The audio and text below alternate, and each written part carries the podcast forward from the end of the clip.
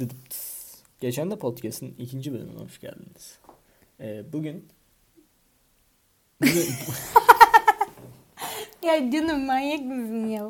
Tamam ben devam edeyim. Bugün online eğitimden bahsedeceğiz.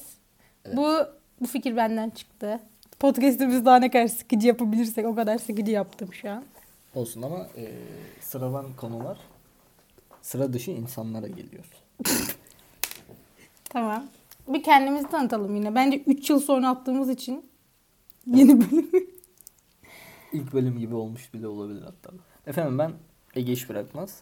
Ben de Elif Sarıgül. İkimiz de İzmir Ekonomi Üniversitesi'nde okuyoruz. Evet. e, şimdi malum biliyorsunuz pandemi olmuştu falan filan derken e, herkes bir uzaktan eğitimle, online eğitimle tanışmıştı.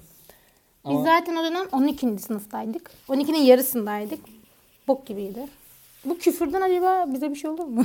oluyor. Nasıl oluyor? Şeye giriyoruz.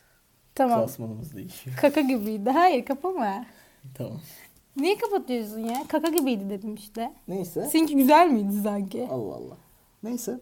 e, herkes tanışmıştı falan filan. Neyse sonra malum e, deprem oldu birazcık. Kötü oldu. Hayır biz bir de bir yıl daha online olmadık mı? Evet işte sonra e, toparlanma sürecinde falan filan gene biz online okuduk. Ondan sonucuma Şimdi bu depremde bir daha eğitim online'a döndü. evet. Yani 2002'lilerin başına gelmeyen bir şey kaldı mı? kalmadı. bir facialar kaldı mı? Kalmadı artık. Bir zombi istilası falan. Ya şöyle anlat birazcık. Üniversitede Hayır, ilk önce lisede online olması nasıl bir duyguydu? Bence bunu anlat. Bence lisede online olması çok kötüydü. Ben özellikle e, yani üniversite sınavına hazırlanırken yeterince zorluk çekiyordu zaten öğrenciler. Sonra üstüne üstlük yetmiyormuş gibi e, uzaktan oldu ve herkes ilk kez görüyordu o zaman e, uzaktan eğitim olayını ve bayağı bir zordu bence. Bence hocalar falan hiçbir şey bilmiyordu. Evet hocalar ne hocalar biliyordu ne öğrenciler biliyordu. Böyle bizim hocalar Zoom'da giriyordu. Hiçbir şey yapmıyormuş gibiydik sanki. Aynen. Ya çok garipti. Neyse sonra Dur. bir şekilde açı- açıldı falan filan. Hayır dur ya. Bu nasıl bir detaysızlık aga? Üstün kere resmen hayatımızın içine burada edilmiş. Sonra zarna. Bir kere üniversiteyi kazandık zarna. Yok, yaptık kazandık. Çalıştın mı? Çalıştık tabii. Mesela ki. ben o dönem hiç çalışmıyordum. Hiç çalışmıyordum. Paso o zaman Aşk 101 falan çıkmıştı. Onları falan izliyordum. Valla ben de hayvan gibi çalışıyordum yani. Ama ama online olduğu için Ama ben daha yüksek puan yaptım. evet online olduğu için çok verimli olmuyordu. Sonuçta sınıf ortamı değil yani. Ben daha çok verim alıyordum öyle.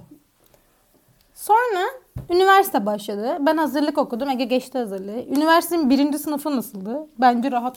Ben birazcık. evet, üniversite rahattı. Çünkü Bizim okulun altyapısı kötü değil çünkü. evet biz- yani biz bir tık şanslıydık okulumuzun verdiği imkanlar doğrultusunda daha rahattı.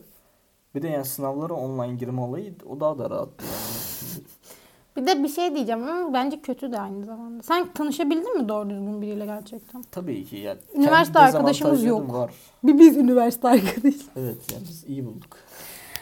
Yani şöyle mesela ben hazırlıktaydım. Hazırlık böyle lise 5 gibiydi gerçekten. Düzgün bir eğitim alıyordun. Güzeldi. Ama hiç kimseyi tanımıyordum. Evet. Yani hocalarımı falan, hocalar beni görüyor. Ben hocaları tanıyorum ama hocalarım hiçbirini tanımadığı için selam veremiyorum. Bence biraz garip bir şey. Ve böyle insanları unutmuşum gibiydi. O, e, o hibrite döndük ya. Evet. Baya kötüydü yani. Ya kesinlikle. Ke- ya her dönemin kendi şeyi var. Sonra açıldı. Bu sefer online'dan normal eğitime e, geçtik. Gene bir daha bir şey oldu. Şok Ya gibi. şimdi bu Aa, her şey depremde çok de- daha gerçekçi. Her şey çok daha zor oldu falan böyle. Ya bir şey demek istemiyorum. Aslında kötü tarafı tabii ki de var. Mesela bizim okulun işte dayanışma grubu var. Sen orada var mıydın? Ee, Orada mesela çoğu insan diyor bir şey benim arkadaşım Hatay'da şu an evi de yok işte yurda nasıl gelecek falan denildi ama bizim okul yurtları da açmış. Kendi yurdunu açık açıkmış diye biliyorum ben Evet, evet. öğrencilere.